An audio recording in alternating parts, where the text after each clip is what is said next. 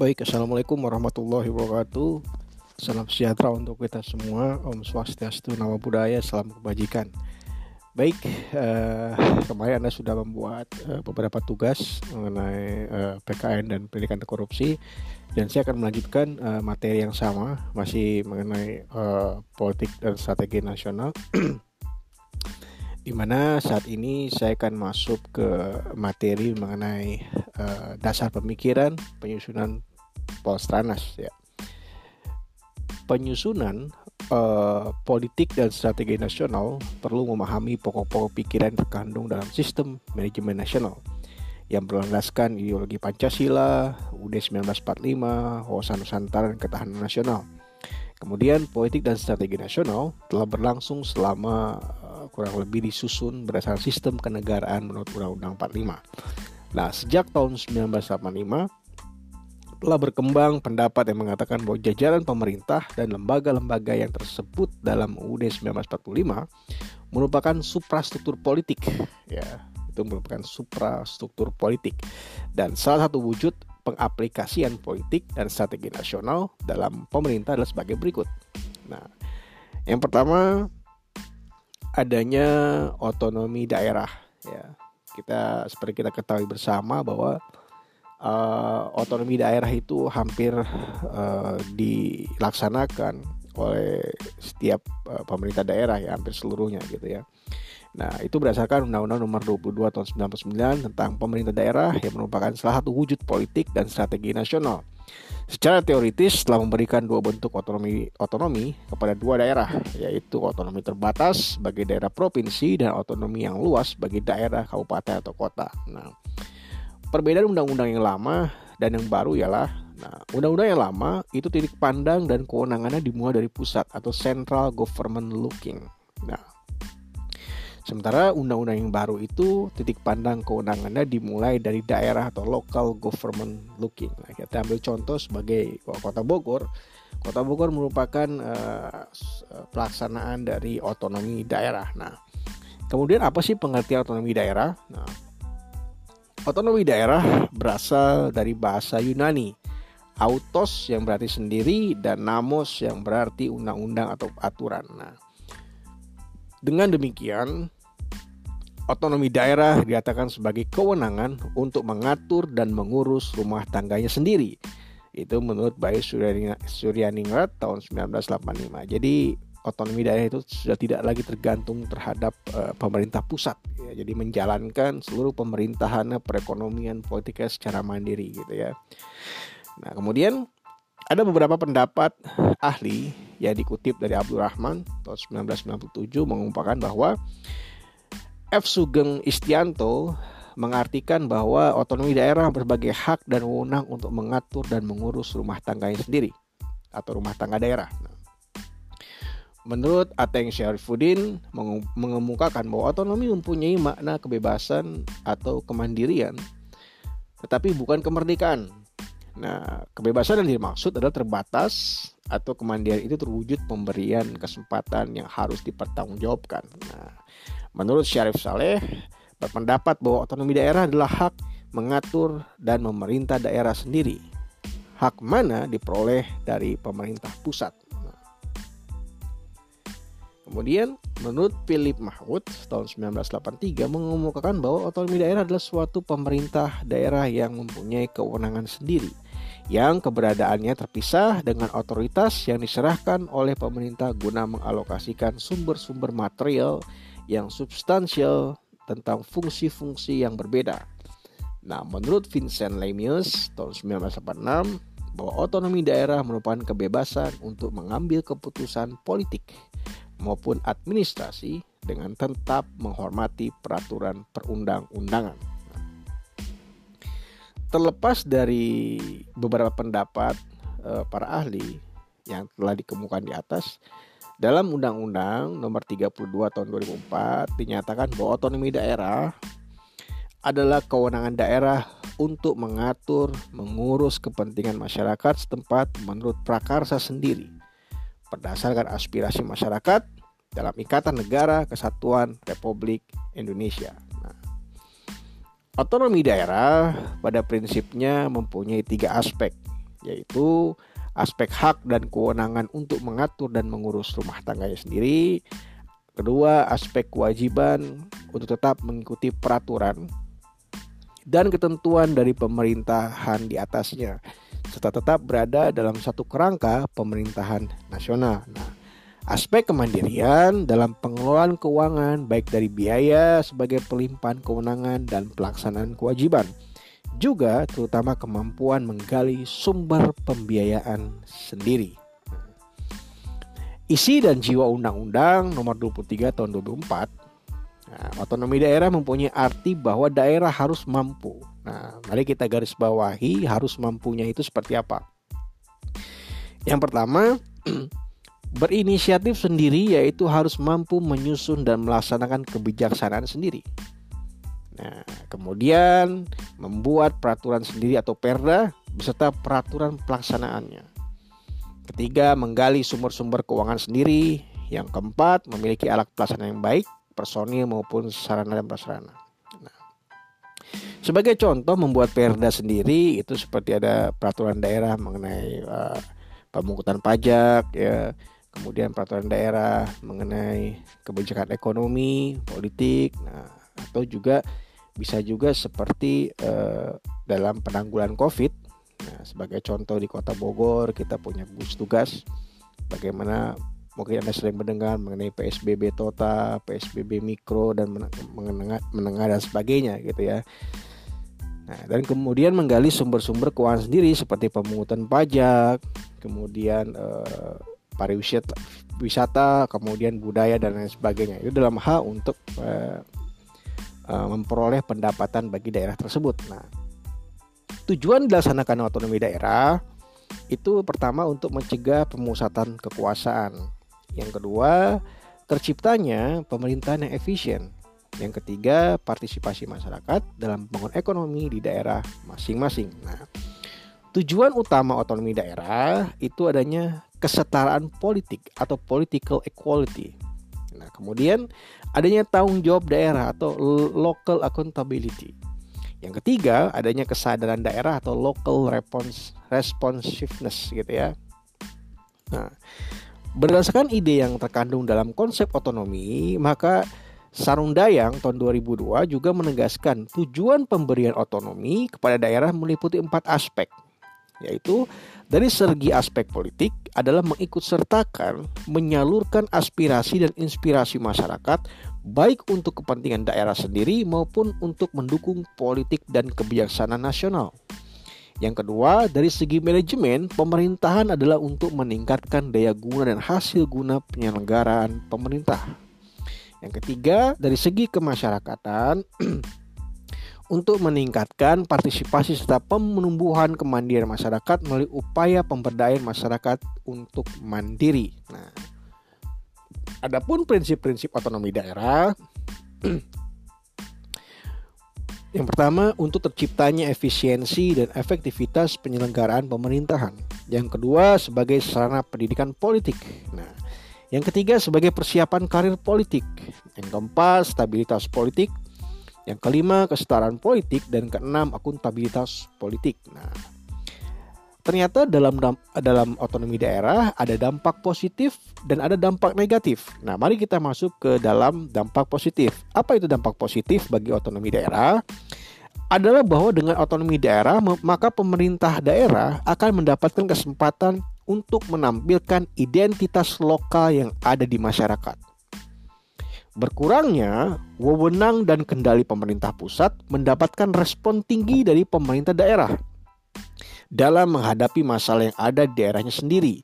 Nah, bahkan dana yang diperoleh lebih banyak daripada yang didapatkan melalui jalur birokrasi dari pemerintahan pusat. Nah, dana tersebut memungkinkan pemerintah lokal mendorong pembangunan daerah serta pembangunan program promosi kebudayaan, dan juga pariwisata. Nah, dampak negatifnya dari adanya otonomi daerah adalah adanya kesempatan bagi oknum-oknum di pemerintah daerah untuk melakukan tindakan yang dapat merugikan negara.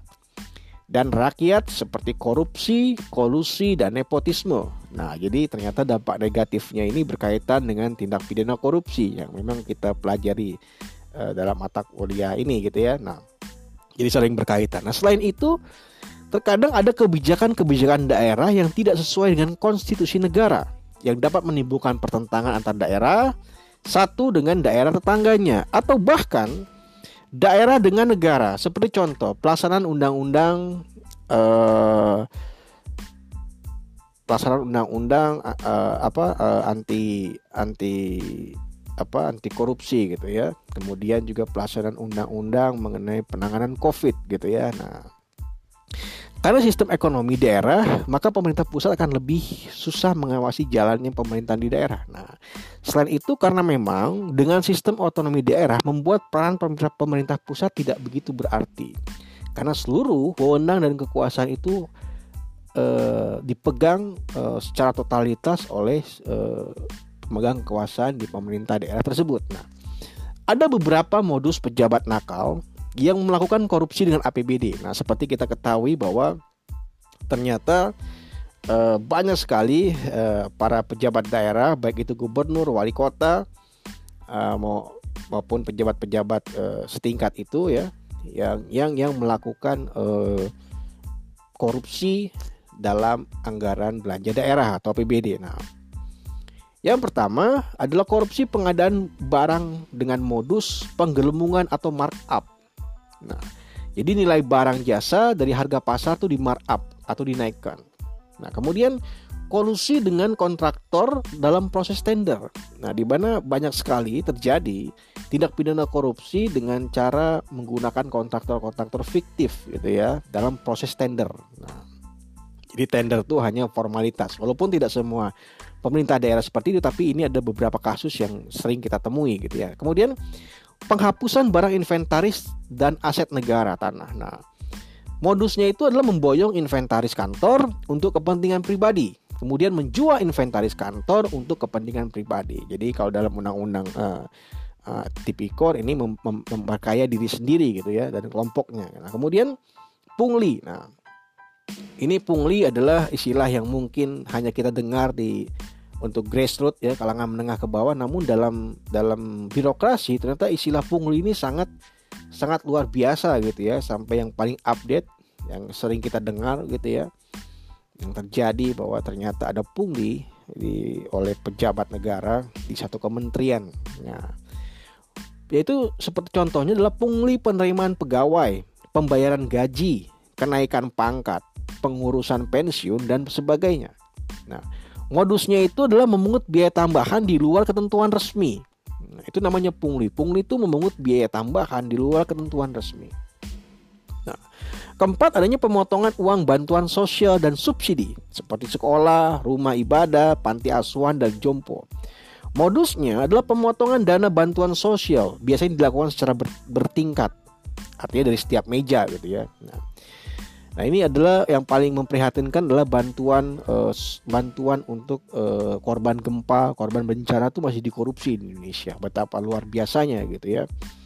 Nah kemudian bantuan fiktif yaitu membuat surat permohonan fiktif seolah ada bantuan dari pemerintah dari pihak luar gitu ya. Padahal tidak ada. Nah ini adalah beberapa modus-modus yang sering kita temui dalam uh, oleh pejabat nakal dengan berkaitan dengan APBD gitu ya. Nah ada kewenangan daerah dengan berlakunya Undang-Undang Nomor 22 Tahun 1999 tentang otonomi daerah.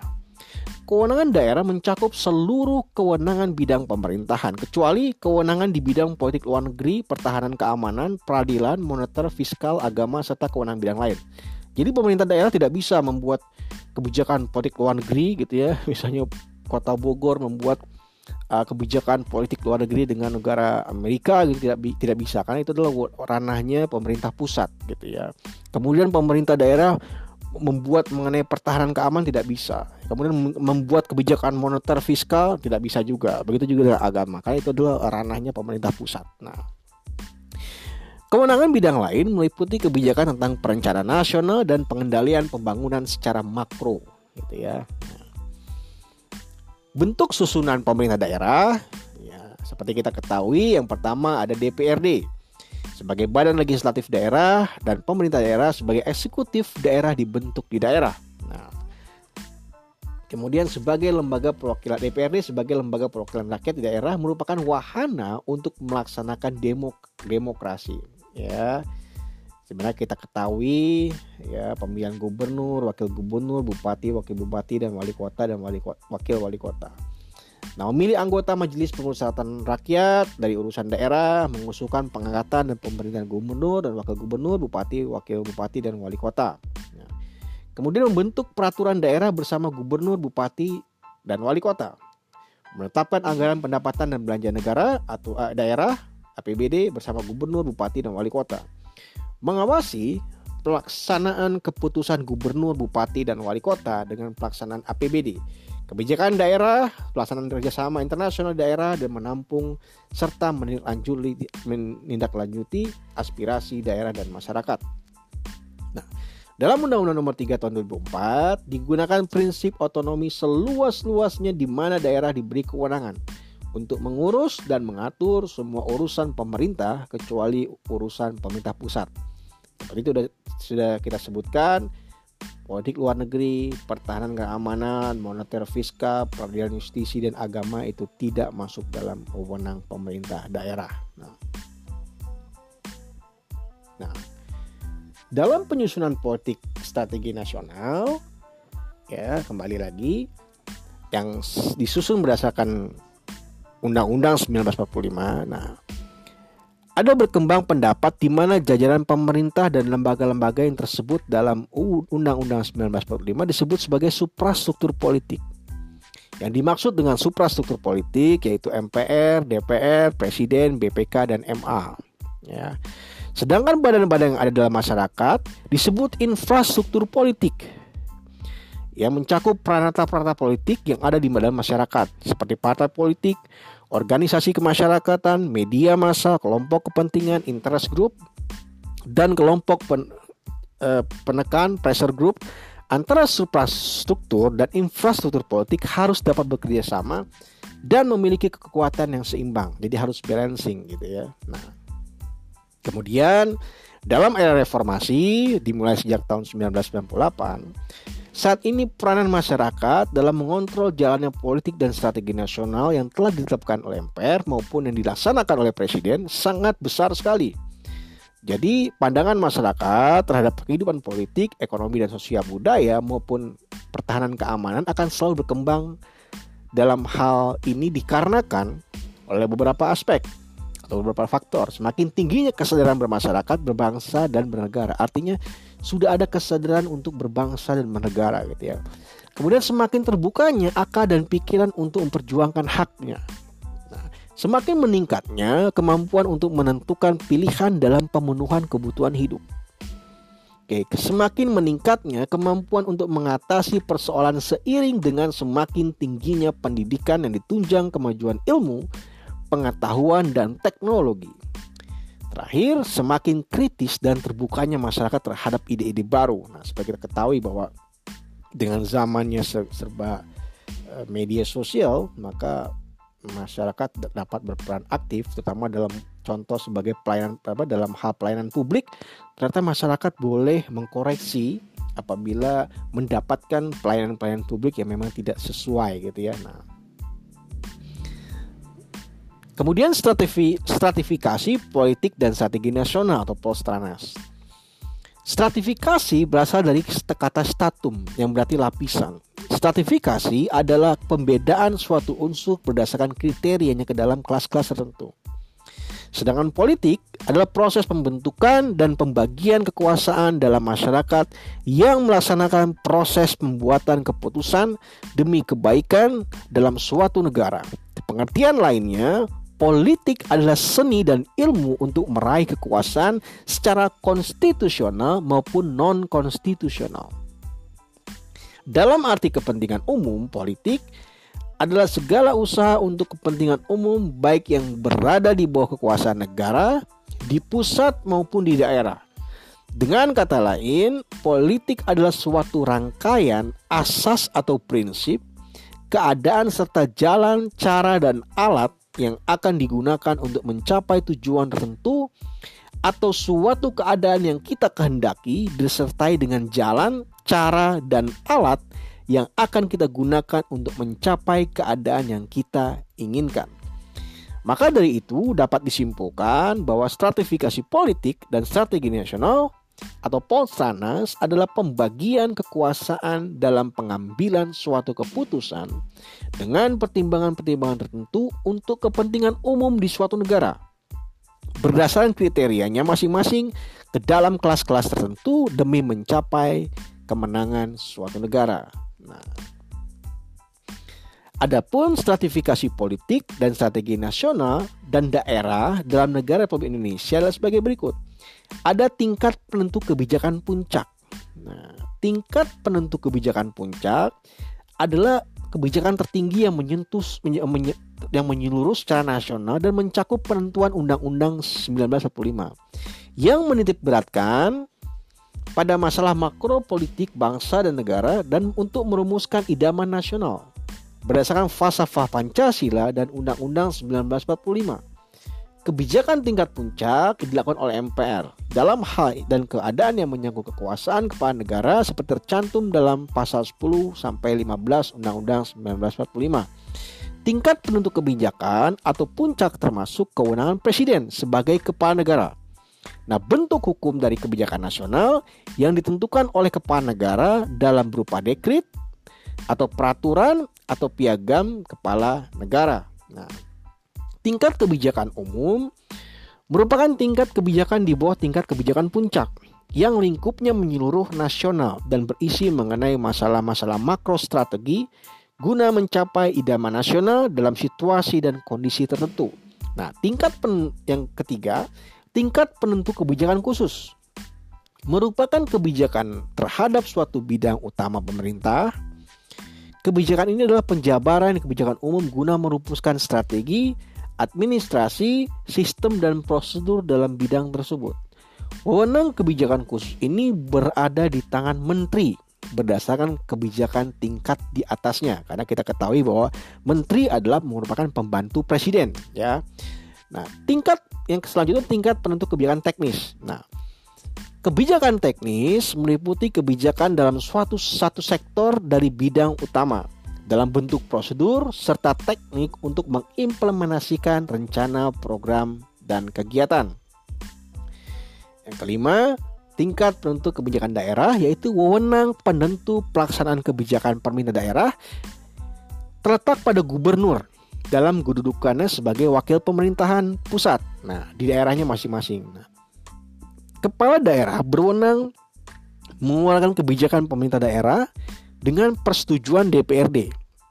Kebijakan tersebut berbentuk perda atau peraturan daerah tingkat 1 atau 2. Nah, menurut kebijakan yang berlaku sekarang, jabatan gubernur dan bupati atau wali, wali kota dan kepala daerah tingkat 1 atau 2 disatukan dalam satu jabatan yang disebut gubernur atau kepala daerah tingkat 1 bupati atau kepala daerah tingkat 2 atau wali kota atau kepala daerah tingkat 2. Jadi gubernur itu tingkat 1 ya, kepala daerah tingkat 1 dan bupati wali kota adalah kepala daerah tingkat 2. Nah, strategi pembangunan Indonesia dalam pembangunan Indonesia adalah dalam segala aspek kehidupan sesuai dengan diamankan dalam Undang-Undang 45 meliputi pemenuhan hak dasar rakyat, penciptaan landasan pembangunan yang kokoh, menjunjung tinggi nilai luhur, mentiadakan undang-undang yang bersifat diskriminatif, dan bineka tunggal ika.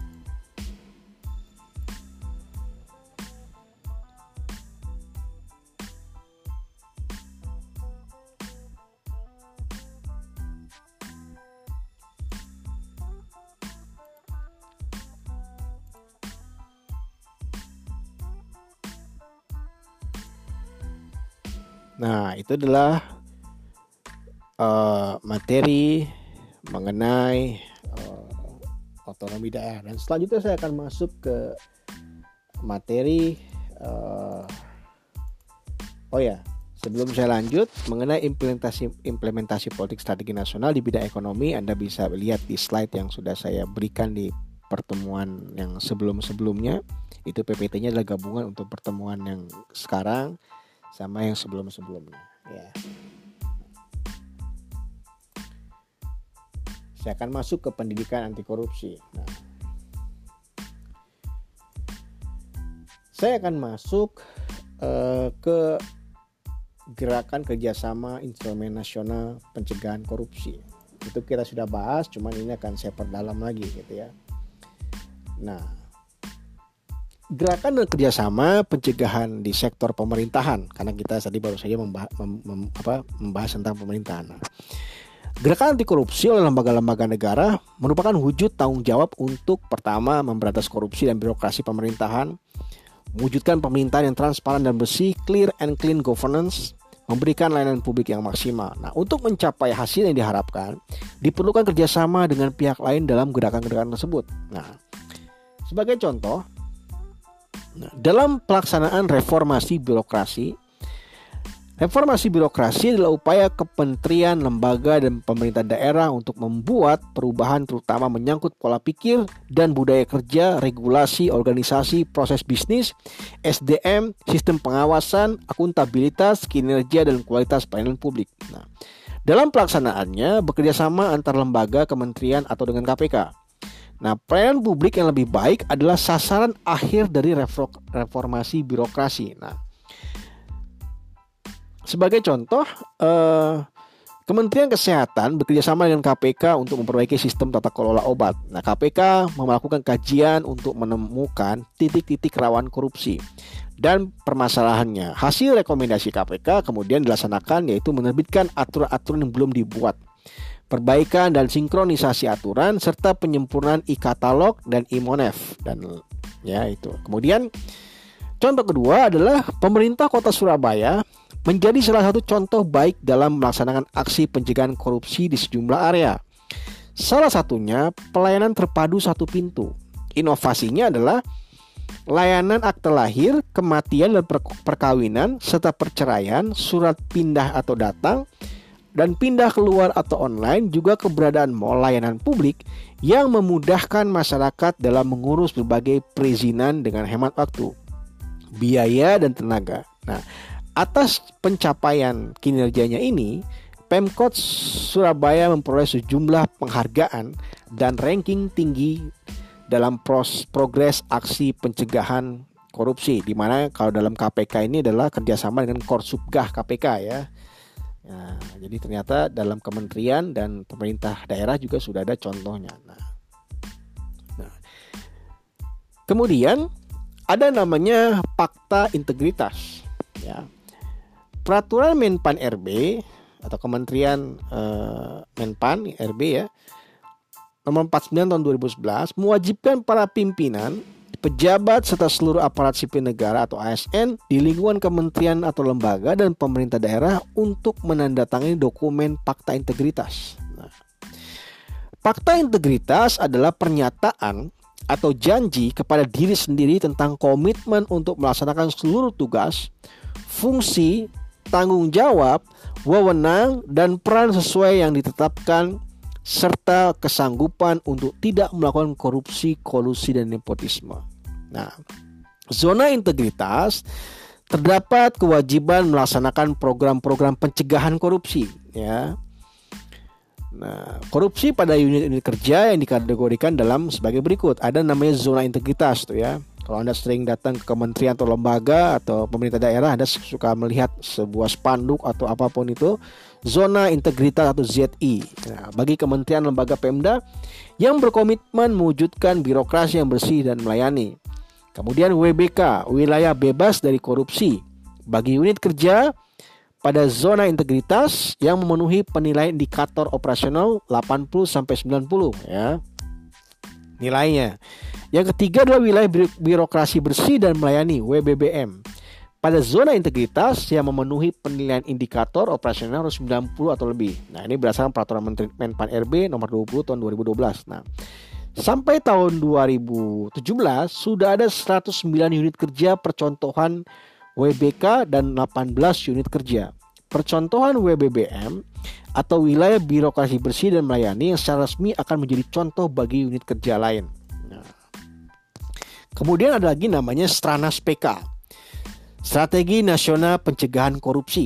Ya, ini adalah kolaborasi uh, cegah korupsi. Nah, Stranas PK merupakan produk gerakan kerjasama antar lembaga yang didasarkan atas Peraturan Presiden Nomor 55 Tahun 2012 tentang Strategi Nasional Pencegahan dan Pemberantasan Korupsi. Kemudian Peraturan Presiden Nomor 54 Tahun 2018 tentang Strategi Nasional Pencegahan Korupsi. Nah, Stranas PK dijabarkan lebih lanjut melalui aksi pencegahan korupsi atau aksi PK yang ditetapkan setiap dua tahun sekali oleh Timnas PK. Nah, di antaranya arahan kebijakan nasional yang memuat fokus dan sasaran pencegahan korupsi ditunjukkan kepada kementerian, lembaga, pemerintah daerah, dan pemangku kepentingan lainnya sebagai acuan untuk melaksanakan program pencegahan korupsi. Nah, maksud dan tujuannya yang pertama, pencegahan korupsi dilakukan dengan strategi nasional yang fokus, terukur, dan berorientasi pada hasil dan dampaknya. Pencegahan korupsi dilakukan bersinergi antara kementerian lembaga, pemerintah daerah, pemangku kepentingan, dan KPK. Kemudian mendorong pencegahan korupsi yang efektif dan efisien.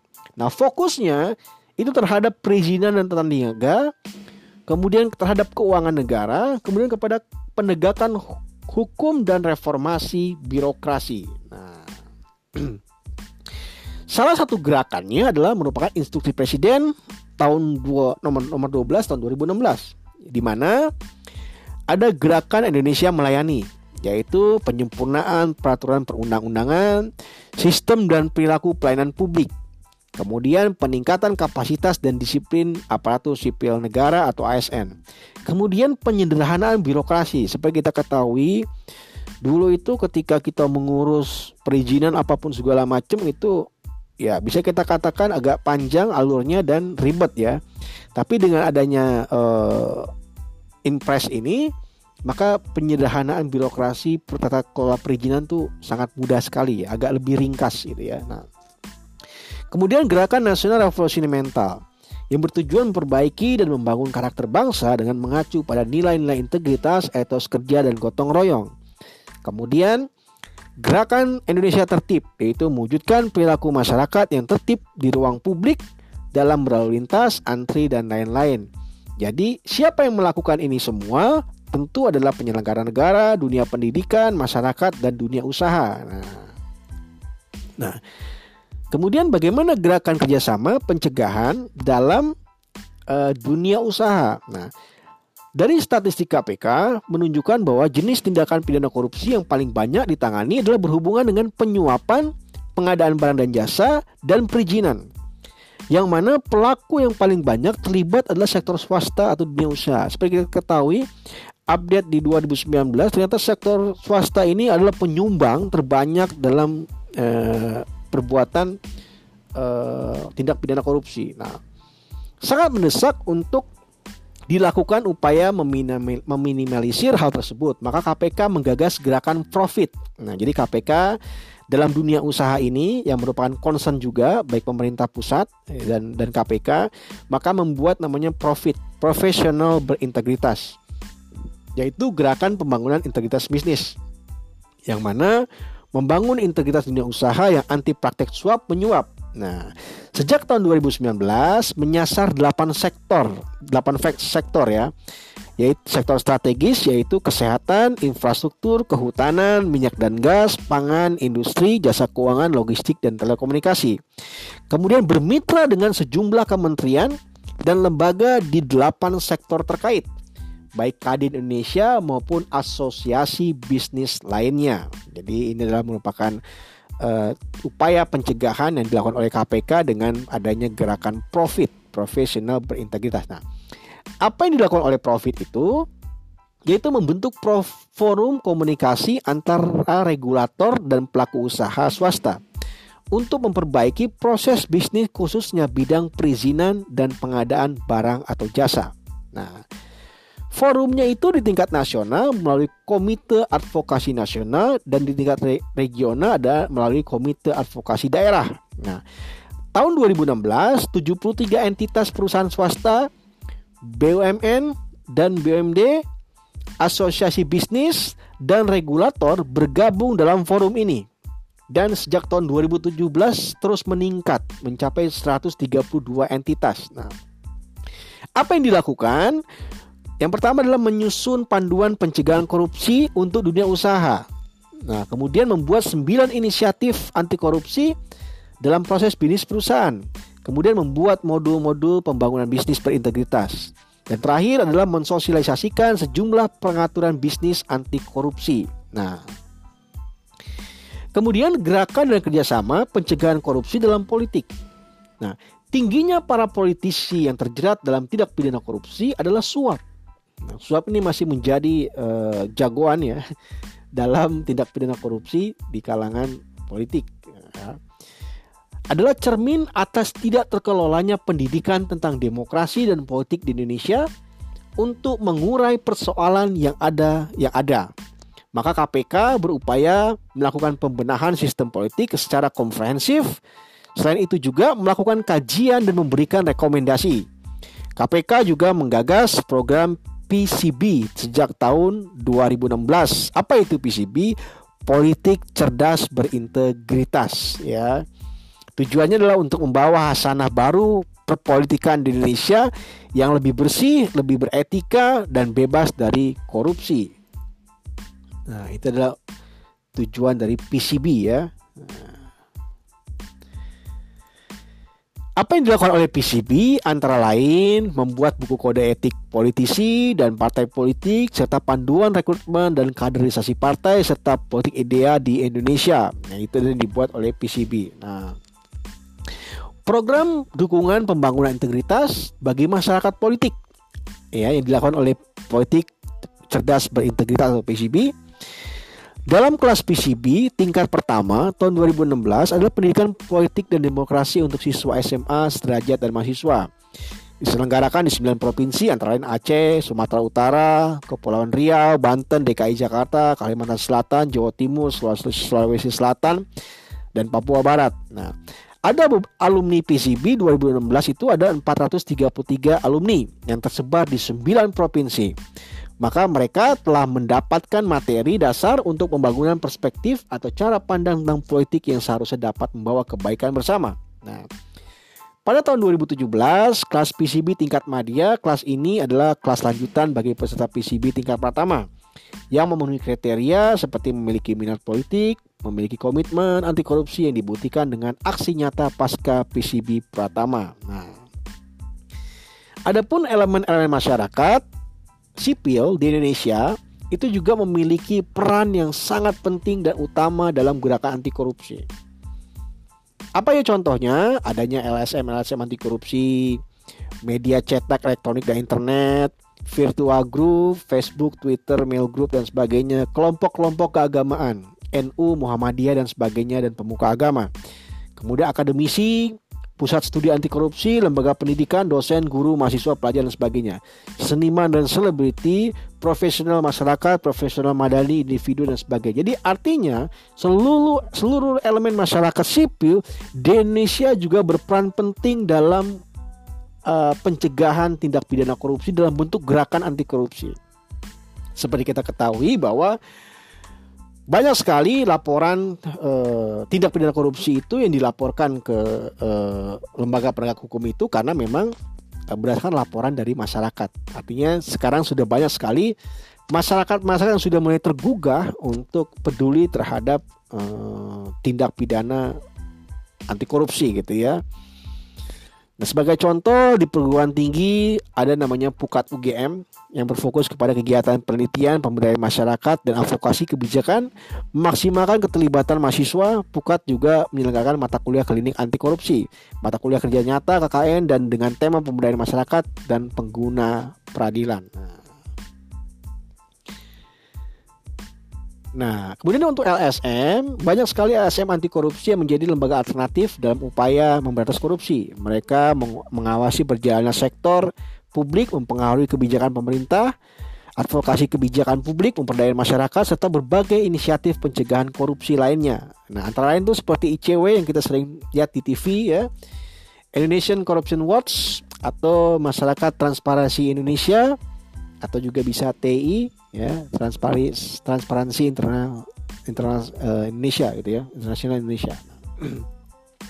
Atau juga bisa adanya komunitas komunitas anti korupsi ya. Ya, seperti adanya SPAK, saya perempuan anti korupsi, FLAC, satu guru penggerak integritas, komunitas obat manjur ya. Orang hebat main jujur dan banyak sekali komunitas-komunitas yang memang bergerak di anti korupsi. Nah, Intinya, partisipasi publik dalam pemberantasan korupsi mesti dikelola menjadi sebuah gerakan moral yang masif, terstruktur dan efektif sehingga kesadaran melawan korupsi merata pada setiap elemen masyarakat tanpa terkecuali. Nah, adapun instrumen nasional pencegahan korupsi antara lain adanya peraturan perundang-undangan ya seperti penyelenggaraan negara yang bersih dan bebas korup KKN, pemberantasan tindak pidana korupsi, kemudian Komisi Pemberantasan Tindak Pidana Korupsi, Pengadilan Tindak Pidana Korupsi, Pencegahan dan Pemberantasan Tindak Pidana Pencucian Uang, money laundering, pengesahan United Nations Convention Against Corruption atau UNCIC adalah lembaga PBB yang kita juga tergabung di sana Kemudian pelayanan publik dan keterbukaan informasi publik ini dalam bentuk peraturan perundang-undangan. Nah, ada pun lembaga pencegahan korupsi seperti adanya KPK, BPK, kemudian BPKP, Komisi Yudisial, Ombudsman RI, Pusat Pelaporan dan Analisa Transaksi Keuangan (PPATK), OJK (Otoritas Jasa Keuangan) dan Komisi Pengawasan Persaingan Usaha atau KPPU. Nah, Demikian adalah materi yang bisa saya sampaikan. Mudah-mudahan bermanfaat dan berguna. Terima kasih. Jangan lupa Anda selalu dengarkan podcast apa yang saya sampaikan ini. Anda harus mendownload dan dengarkan supaya Anda bisa memahami materi tersebut dan Anda juga bisa mengerjakan soal quiz nanti atau pada saat UAS karena materinya pasti dari materi-materi yang sudah saya ajarkan. Terima kasih. Assalamualaikum warahmatullahi wabarakatuh.